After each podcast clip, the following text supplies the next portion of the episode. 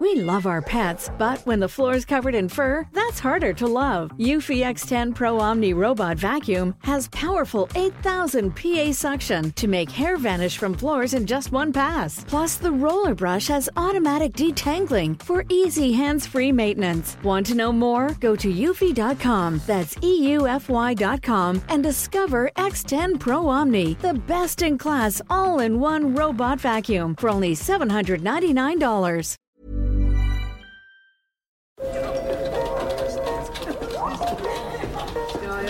Dette er lyden av norsk næringsliv. Akkurat nå tas det små og store valg som kan bli avgjørende for fremtiden. Med økonomisystemet X-Leger tas disse beslutningene basert på informasjon i sanntid, slik at drømmer og ambisjoner kan bli virkelighet. Få kontroll og oversikt, gå inn på xledger.no. Denne sendingen er sponset av Xleger.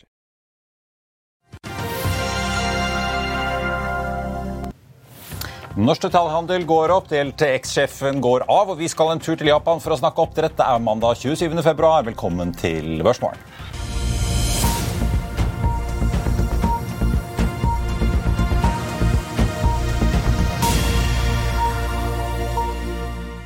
En riktig god morgen alle sammen, og velkommen til oss her i Finansavisen. Mitt navn er Marius Thorensen, og med meg har jeg aksjekommentator Karl Johan Målnes på denne første børsdagen i uken.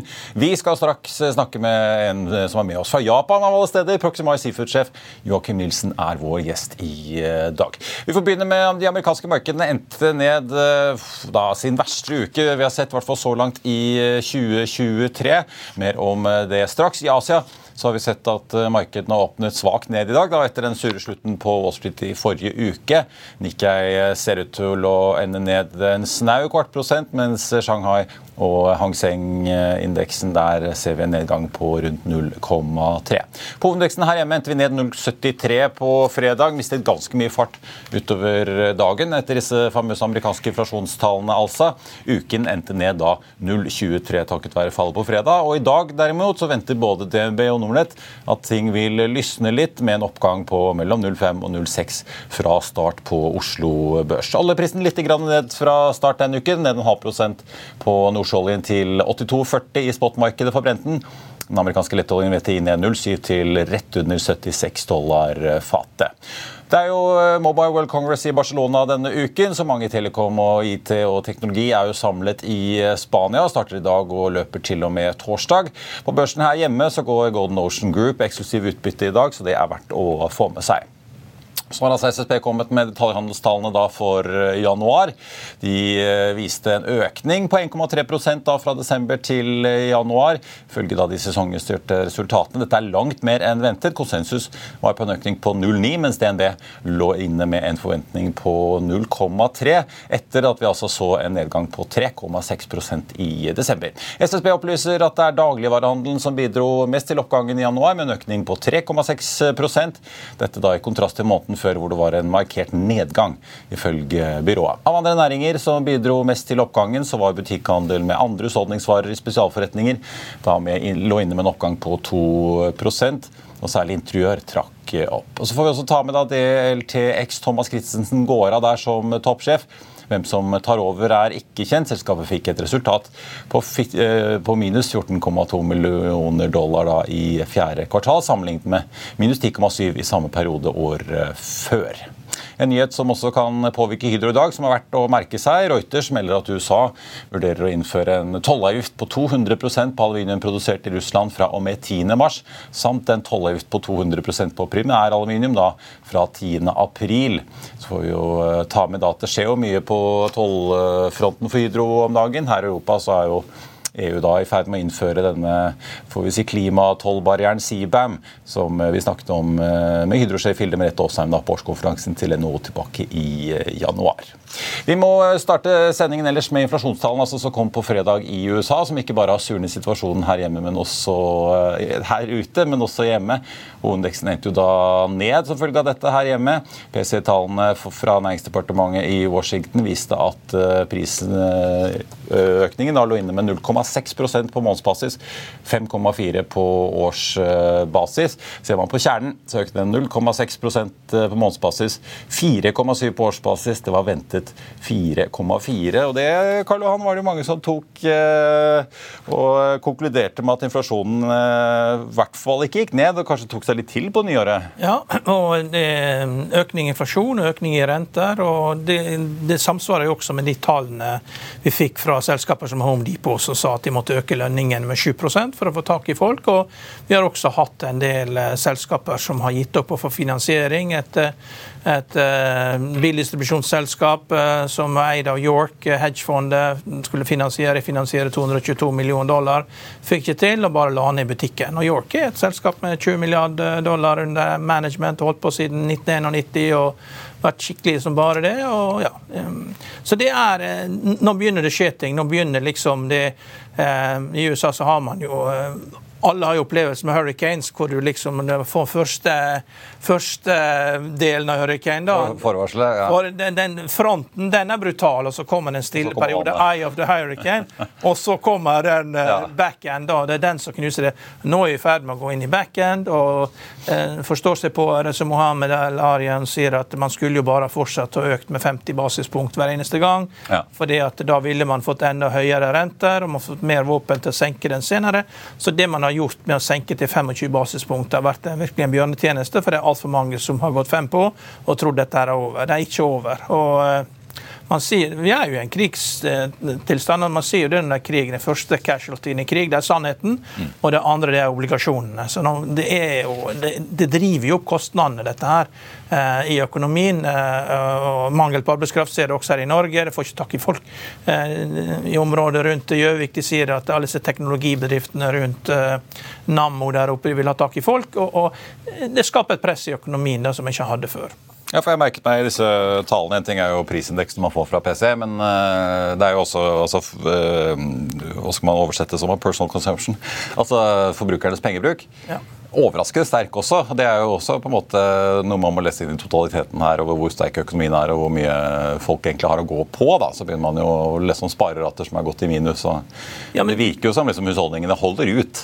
Du har hatt en periode der du har sluppet å betale renter og avdrag på studielån. og en del sånn, Du har kunnet erklære forbearance, da, så du har hatt en periode. Og det begynner jo å gå ut nå. Så ja. eh, når det er slutt på moroa, liksom, da må man begynne å betale avdrag og renter på en del lån. Så det, det, er et stort eksperiment, dette her, og nå kommer regninga. Og eh, dessverre så eh, og, og, Problemet er jo også det at de, de, største aksjene i USA er jo helt latterlig dyre. ikke sant? Så eh, Tech-aksjer som Nvidia og eh, ja, de fleste andre også. Det var vel P100 var det ikke det vi snakket om ja, her i forrige P100 ja. og Price Cashflow 50 og på fallende earning. Så, der, eh, så du kan godt ta en sektorrotasjon at andre aksjer gjør det bedre enn de, men jeg tror det at man må være forberedt på at indekser går ned. For dette her, det, var varer aldri, dette her.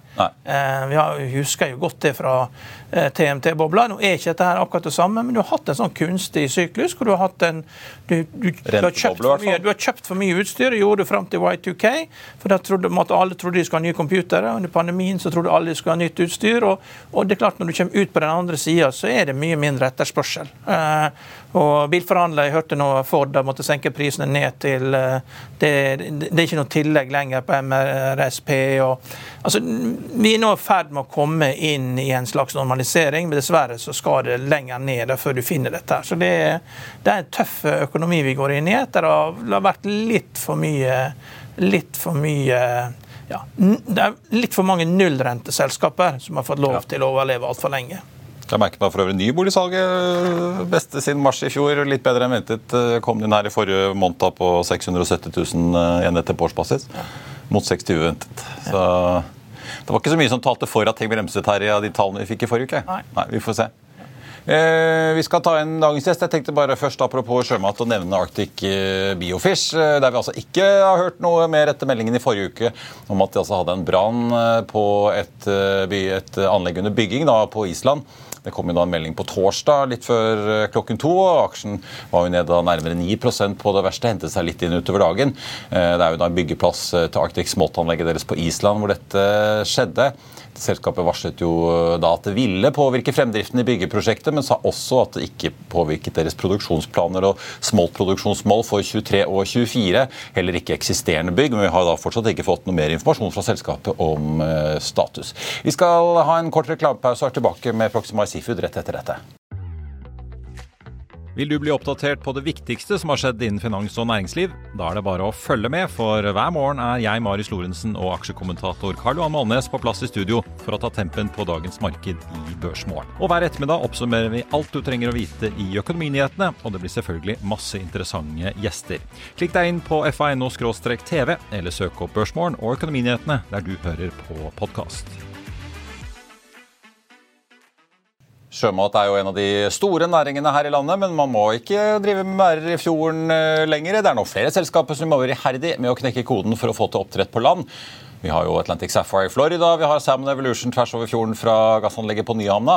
Og så har du vår eh, neste gjest da, som driver med oppdrett ved foten av det ikoniske Fuji-fjellet i Japan. Velkommen eh, Joakim Nilsen med oss fra Japan på linje i dag. God morgen, eller god ettermiddag får jeg nesten si til deg, da. Jo, takk for det. Tusen takk for invitasjonen, og god morgen til dere.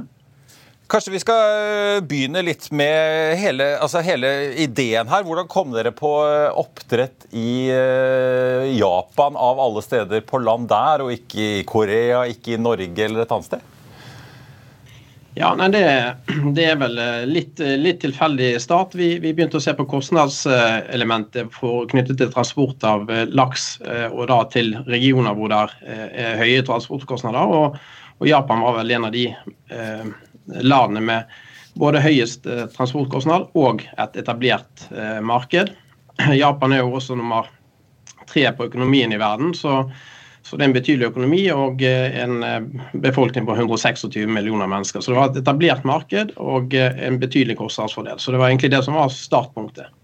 Ja, Det er jo nesten som man tror dere driver med fjærkre når man leser børsmeldingene. For det er jo klekkerier og det ene med det andre. Men jo, du kan jo si litt om hvor dere er i fasen nå. da, fordi dere I oktober i fjor så begynte dere å sette de første lakseeggene, så vidt jeg skjønner? Ja, det stemmer. Vi, får, vi, tok over, vi bygger to bygg. Eh, det ene er småfiskbygget, som eh, da skal ha fisken opp til ca. 100 gram. Og så er det da grow-out-bygget, hvor vi skal ha fisken opp til slaktestørrelse. Og eh, Det bygget vi tok over nå i oktober, det var småfiskbygget.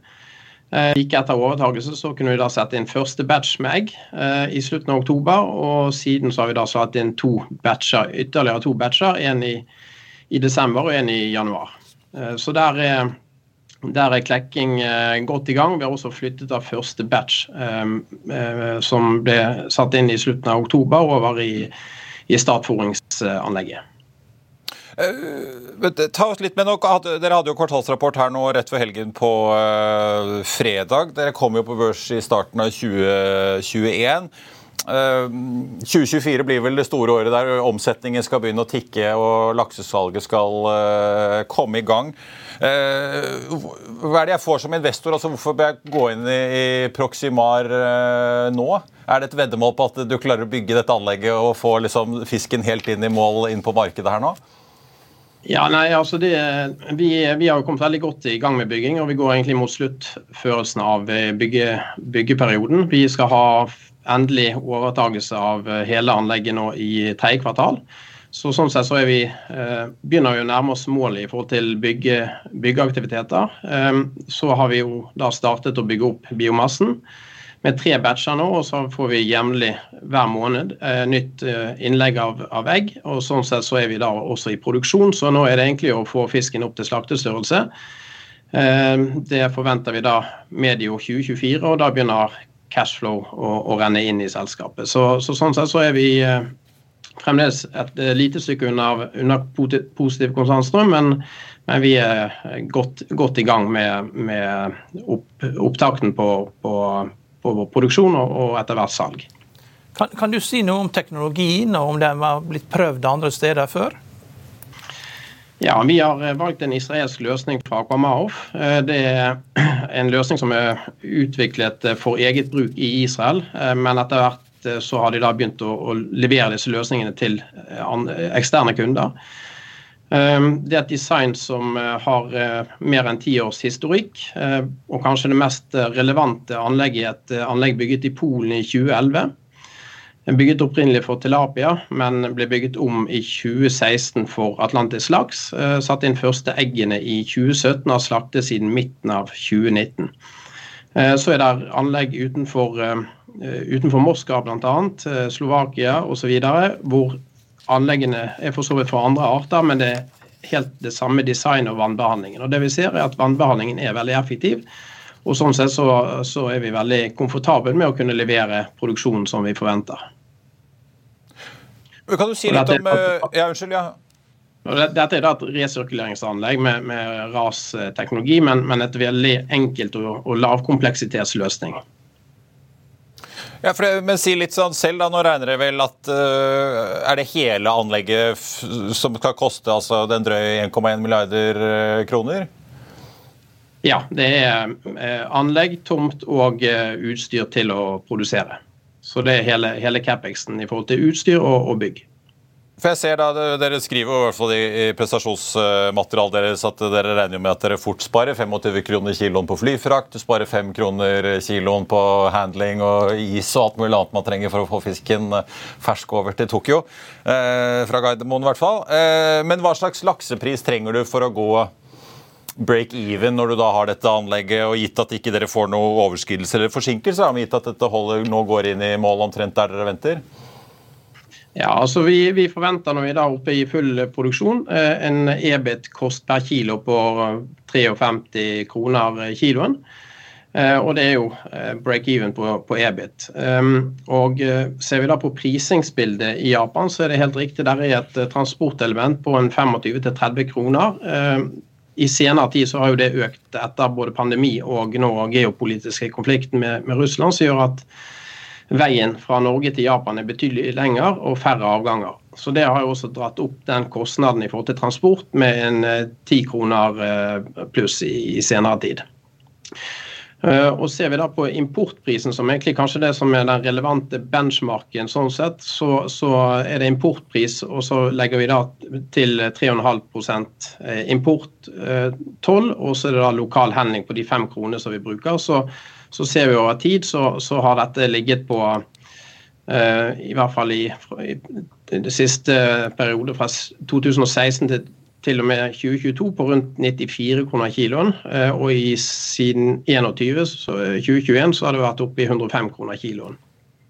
Og Det er jo den relevante, relevante eh, prisen, inngangsprisen eller importprisen som, som legges til grunn i det japanske markedet. Det, Japan er jo veldig glad i lakserogn. Hvis du går ned i kjelleren på Takashima eh, Department Store, så er det tre typer sushi de eh, selger mye. Det er unagi, altså krokkeboller. Det er toro, som er fettbelly tuna. Og så er det da lakserogn. Og det, hvor mye lakserogn er det dere kan produsere, og hvor mye ekstra får dere inntekter på det?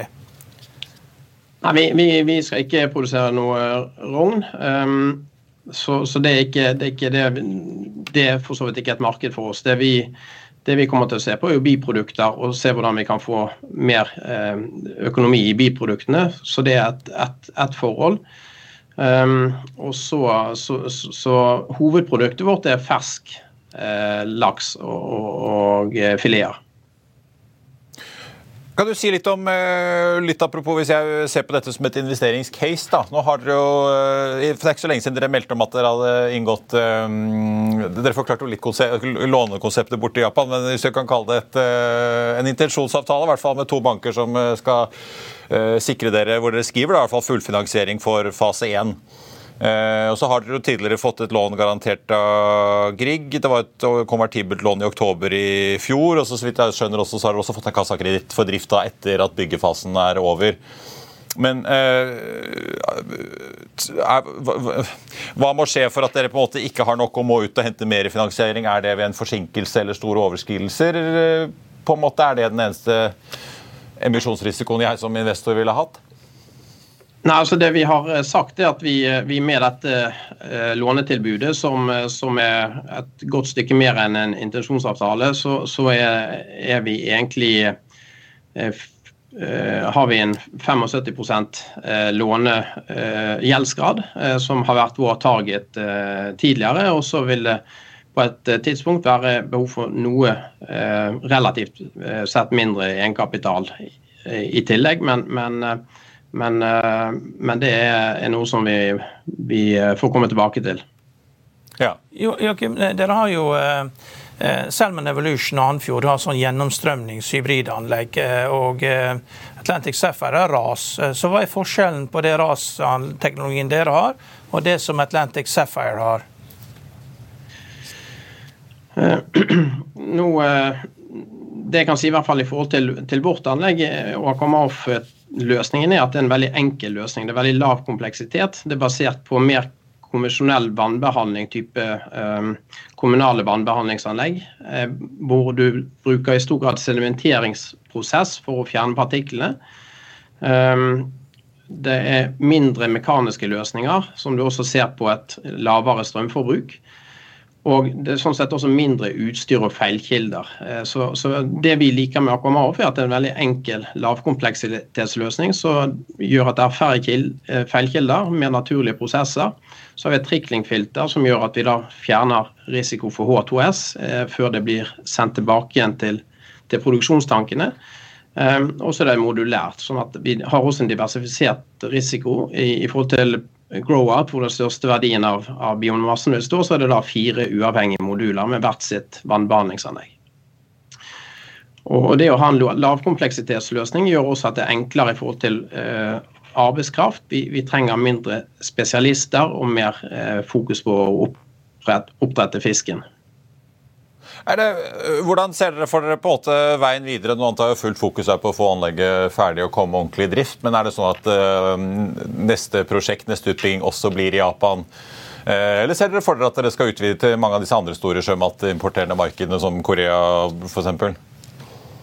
Nei, Vårt fokus er nå i Japan. og det, vi, det ene er jo det japanske markedet som har stort potensial. I dag så er forbruk per capita av atlantisk laks i, i, i Japan på 0,5 kilo, så det er relativt lavt. Så der er et, eh, en oppside i forhold til eh, et konsum i Japan. Det er også primært den yngre generasjonen som spiser fisken. Den ble, eh, ble introdusert på 80-tallet, og japanere er konservative, så det tar tid å endre på, på konsumentholdningene. Men vi ser at det vokser år for år, og vi forventer den veksten fremover. Så sånn sett så er det et interessant marked med vekst. Um, og så er det jo eh, også slik vi ser det, så har Japan et veldig sterkt renommé i Asia for sjømat, høy kvalitet.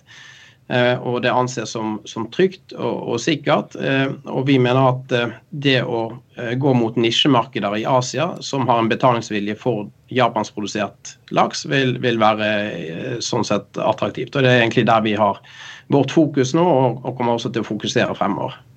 Regner dere inn noe prisdifferanse enten opp eller ned fra den importprisen i Japan du snakker om? På den siden kan dere jo skryte at uh, dere har et mye mindre miljøavtrykk, for dere slipper å flyfrakte denne fisken inn. På den annen side så er det kanskje noen japanere som syns det er ekstra stas å spise fisk fra norske fjorder. jeg vet ikke. Uh, blir det noen differanse på prisen der, eller? Ja, altså vi, vi, regner med å kunne ta en prispremie. Fordi at uh, de liker norsk fisk, men, men, Made in Japan står uh, hakket sterkere. Uh, og så har vi jo denne lokaliteten med Manfuji, som har et stort brandingpotensial både i Japan, men også i Asia. Um, og så er dette med eh, ferskheten, som også japanere er veldig opptatt av. Og de har en betalingsvilje for ferskhet. Ehm, og Det er det ene. Og det andre positive med ferskheten er jo at eh, det har lang, eh, lengre shelf life, eller livs, livstid i hyllene. Så, så, det har også et, et, et, positivt aspekt i forhold til kjøperne her og, og, og dagligvarekjeder.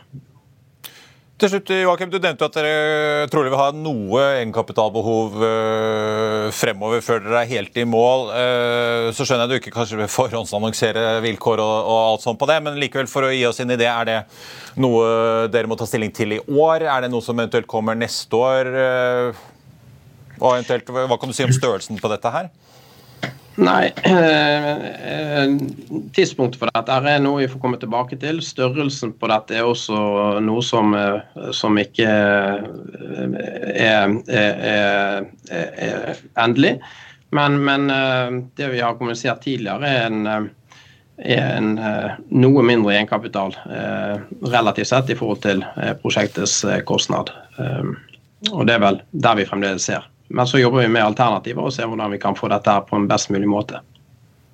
Det blir eh, spennende å følge med på. Lykke til med si, byggingen eh, videre i Japan. Joakim Nilsen, eh, administrerende direktør i Proximar Seafood, med oss da fra Japan på morgenkvisten. Takk skal du ha. Tusen takk for meg. Vi er straks tilbake rett etter dette. Dette er lyden av norsk næringsliv. Akkurat nå tas det små og store valg som kan bli avgjørende for fremtiden. Med økonomisystemet X-Leger tas disse beslutningene basert på informasjon i samtid, slik at drømmer og ambisjoner kan bli virkelighet. Få kontroll og oversikt, gå inn på xledger.no.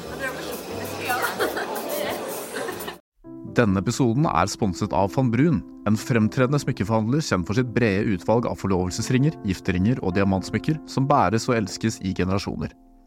Et frieri er en av de største øyeblikkene i livet, hvor forlovelsesringen er et tidløst symbol på kjærligheten. Valg av ring krever omtanke for både hvilket metall og diamant, med et bredt spekter av både naturlige og labdyrkede diamanter, og metaller som platina, gult gull, hvitt gull og roségull, hjelper de deg med å sette et personlig preg på din kjærlighetshistorie.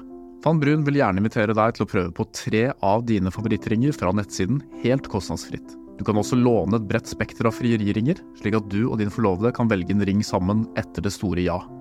Van Brun tilbyr 90 dagers åpent kjøp og 90 dagers gratis størrelsesjustering. Utforsk deres eksklusive sortiment i luksuriøse omgivelser.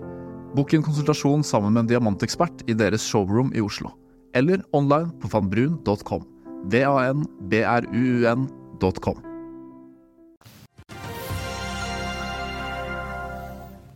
Velkommen tilbake. Ja, Karl Johan, eh, hadde du turt å sette penger i disse landoppdrettsselskapene?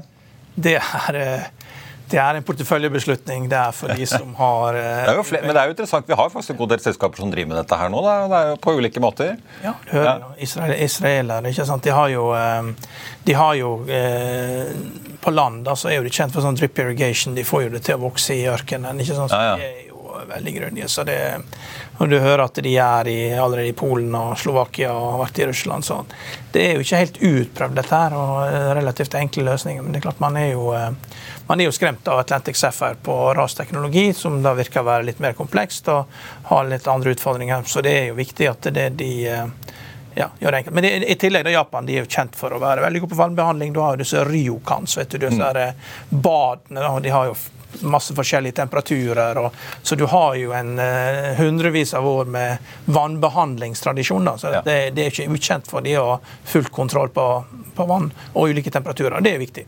Og interessant med litt eh, forskjellig tilnærming. Sammen Evolution hadde vi besøk av for ikke så lenge siden. De var jo opptatt av å først bygge hjemme i Norge, fordi her har de alle leverandørbedriftene og hele miljøet. Og så eller bygge i Korea eller USA, som er liksom deres neste to uh, satsingsområder. da. Ja. Nei, men det, Atlantic gikk rett til Florida. Ja. ja da, men det er klart, det er jo stort marked. Altså, det er Florida. Florida det er jo for at Miami er markedet. ikke sant? Ja, ja. Du vil jo gjøre det så kort som mulig. og Det er det samme med Roximar. at du, du, går til Japan, og de er jo glad i fisk. og og du har jo vært på fiskemarkedet, det gamle fiskemarkedet og sett, og det, det, det nye er sikkert uh, enda bedre. Enda flottere. Ja, og uh, Min bror Jan i Holbergfondet har jo vært der nede og sett på. Det er jo veldig imponerende det de gjør. og Det bor mye folk der, og de skal ha mat. så ja. Hvorfor gjøre det vanskelig? Og Petter Hermanrud styrer i Proximar sammen med Per Grieg, så det er jo to vestlendinger som, fått, som er relativt rutinerte med kalkulatoren, får vi si. Ja. ja. Uh, vi, vi, må snakke litt om uh, andre ting som skjer. Jeg bet meg merke, Nå kom jo til slutt da Eriksson med denne nyheten om at de skal si opp 8500 globalt. Det kom jo litt tidligere nyheten om at de begynner i Sverige, men da var det jo ganske åpenbart at ja. uh, det var bare starten. Erik... Vi har jo sett sånne sykluser før hos Eriksson. Jo, Eriksson, ja. De gikk jo fra over 100 000 ansatte til 60 000 ansatte i forrige nedgang, da. så det er jo ikke uvanlig. så det er jo og Man må jo også huske på det at Eriksson det er jo ikke bare utvikling, det er også service. da, så når vi besøkte Wimpelcom i, eh, i, Russland, og så var spørsmålet hvem er det som er, hvilke, hvilke firma er dere foretrekker for eh, service. Nei, Det var jo ingen tvil. Det var jo Eriksson. De kan jo tilby å fly inn fra fem forskjellige byer rundt ja. Russland, og de løser jo alle problemer for det, mens de andre er litt mer sånn Ja, nå skal vi se når vi har tid til dette, liksom. Så det er klart, Eriksson eh, det er et stort selskap. og over 100 000 ansatte. og De driver jo også og utvikler mye teknologi da, for Saab og militærteknologi. Det, det er et universitet, altså. Det er Svenskene er, det er ingeniørnasjon. Det foregår mye der som Nato får nytte av når de kommer fullt inn. fordi at det, Mye av teknologien går jo inn til Saab, nettverksteknologi. De bygger nettverkssenter over Sverige og nettverkssentriske systemer. og, Mye av dette selger jo de tar til det amerikanske forsvaret som underleverandører til alt de holder på med i luften. Sant? Det er jagerflynasjon og nei, det, er, det, er, det, er, mye godt som kommer derfra. så så Det er jo bare et positivt tegn det at de ikke kutter mer enn 10 000 ansatte. For det vanlige er at de kutter 40 000 når de først går til verks. Ja. Så 8,5, eller pluss de svenske, da. Ja. ja. Så da blir det noe til. Uh, ja, Ellers tenkte Du følger jo stadig med på ting som skjer borti det store USA òg?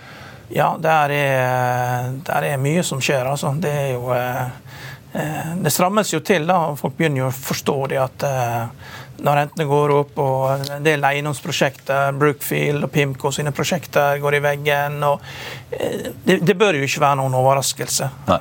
at det, det, mangler likviditet. så vi det kommer til, Men paradokset er da at du har liksom sånn neseblod-verdivurdering fortsatt på teknologiaksjene. Så det, det, det, er nødt til å komme ned. Det kan, ikke, kan ikke vare sånn. Og Spesielt ikke ettersom du har fallende lønnsomhet, følgende marginer. Så marginene da, Driftsmarginen i USA på SMP 500 har falt nå seks kvartal på rad, liksom fra 11% ned mot 10 og, og det bruker liksom å bunne på 7% i nedgangskonjunktur, og det er dit vi skal. Så vi kommer ikke unna nedgangskonjunktur, for det er den raskeste måten å få inflasjonen ned til, til 2% på. Ellers så får man ikke til. Nei. Og da, da, da, blir, da, blir, det tøft på andre måter. Vi hadde jo en interessant prat med Simen Mortensen i DNB her på fredag. Ja.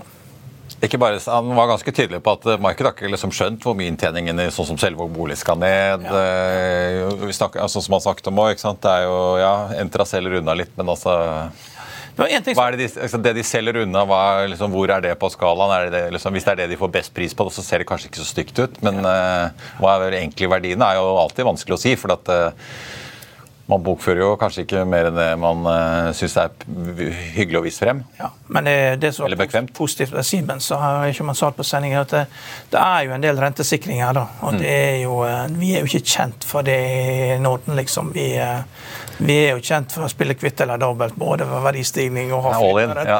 Ja. ja det, det, lønner seg på lang sikt å ha flytende rente. Ikke sant? Jo da, takk for det.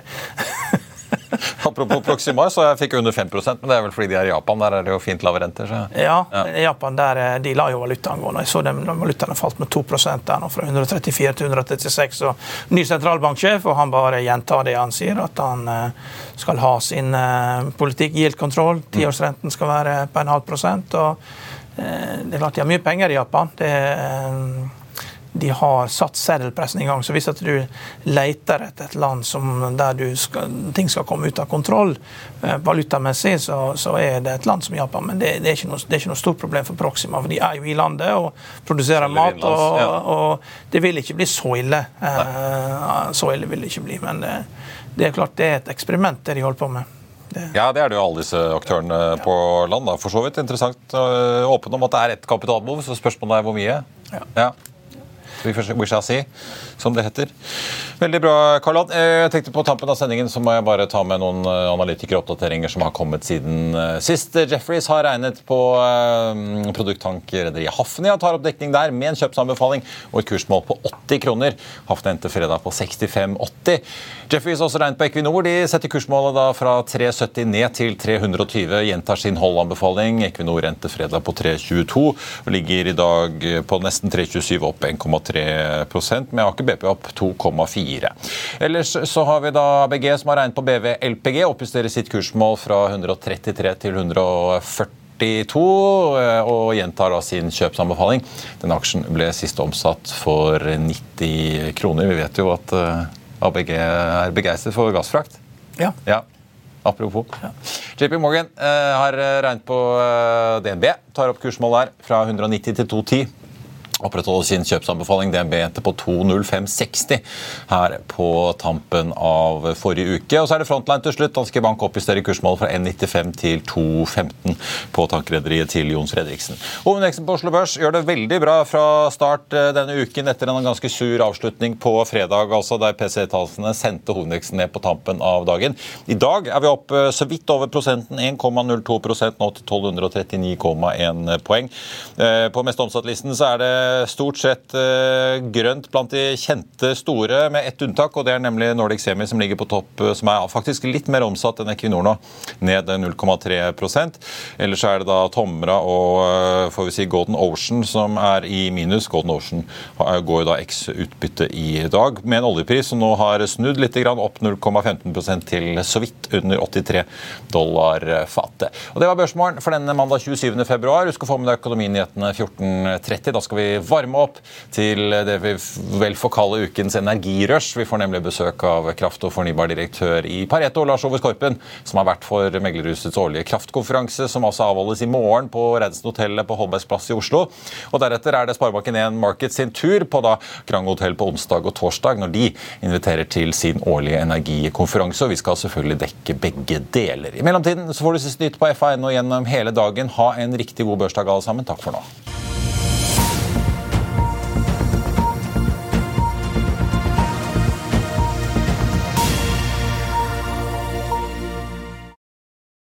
Denne sendingen er sponset av Xleger. We love our pets, but when the floor is covered in fur, that's harder to love. Eufy X10 Pro Omni Robot Vacuum has powerful 8000 PA suction to make hair vanish from floors in just one pass. Plus, the roller brush has automatic detangling for easy hands free maintenance. Want to know more? Go to eufy.com, that's EUFY.com, and discover X10 Pro Omni, the best in class all in one robot vacuum for only $799. Økonominyhetene er en podkast og videoproduksjon fra Finansavisen. Programleder er Marius Lorentzen. Aksjekommentator er Karl Johan Molnes. Produsent er Bashar Johar. Podkast- og videoansvarlig er Marius Mørk Larsen. Og ansvarlig redaktør er Trygve Hegnar.